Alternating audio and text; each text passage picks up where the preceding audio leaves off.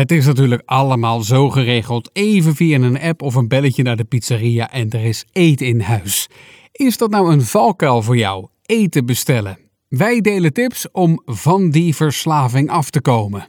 Je hebt zin in eten van de Thai of je hunkert naar een pizza. Je bent moe en in elk geval heb je geen zin om te koken. Ja, dan is eten laten bezorgen verleidelijk.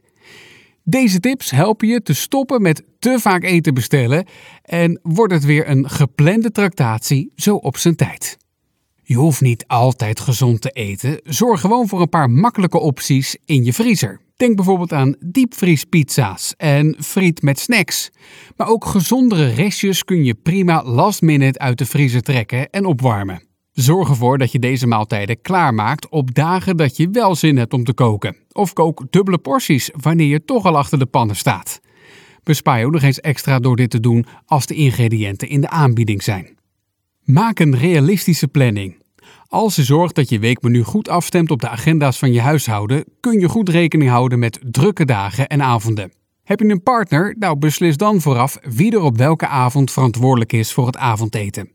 Zo weet diegene of jij dat vooraf. En als je graag eten bestelt, wees dan ook eerlijk tegen jezelf en ga dit vooraf plannen. Bedenk hoe vaak je dit acceptabel vindt en schrijf het op in je weekplanning.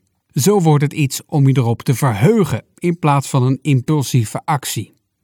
Maricondo je koelkast. Is je koelkast nou een rommeltje? Tja, daar krijg je geen kookmotivatie van.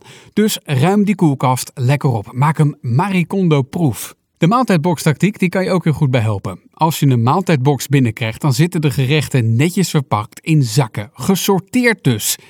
Je zet ze in de koelkast en als je klaar bent om te koken, hoef je alleen maar de juiste zak uit de koelkast te trekken. Hallo gemak. Nou, dat kan je natuurlijk ook zelf doen.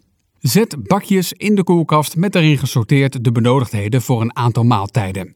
Je had natuurlijk al gepland wat je zou gaan eten, dus je hoeft ook niet meer op jacht naar al die ingrediënten en dat scheelt tijd en vooral ook gedoe. Zorg ook dat de rest van je keuken goed georganiseerd is en dat maakt het koken ook een stuk leuker.